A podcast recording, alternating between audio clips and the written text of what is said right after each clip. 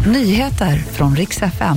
Det ska handla om att Försäkringskassan kommer att sluta betala omsorgsföretaget Humana och Turkiet utlyser undantagstillstånd efter jordbävningarna. IVO, Inspektion för vård och omsorg, vill stoppa omsorgsföretaget Humana från att utföra bland annat hemtjänst och personlig assistans. Men domstolen har beslutat att stoppa IVOs förbud och i väntan på förhandlingen berättar Humana att de kommer bedriva sin verksamhet som vanligt tills vidare. Men nu har Försäkringskassan sagt att de inte längre kommer betala företaget.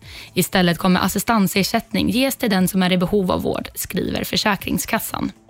Turkiets president Erdogan utlyser undantagstillstånd i landet i tre månader efter gårdagens jordbävningar. Det här rapporterar Reuter. Undantagstillståndet kommer att gälla i tio städer som kommer att klassas som så kallade katastrofzoner. I nuläget har mer än 5 000 personer dött och antalet döda förväntas stiga för varje timme som går.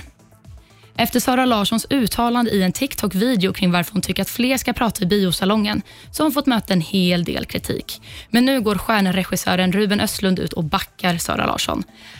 Även han tycker att det ska vara en mer aktiv biokultur och skriver i en kommentar till GP att Sara Larsson har fattat grejen. Det var nyheterna och mitt namn är Moa Jonsson.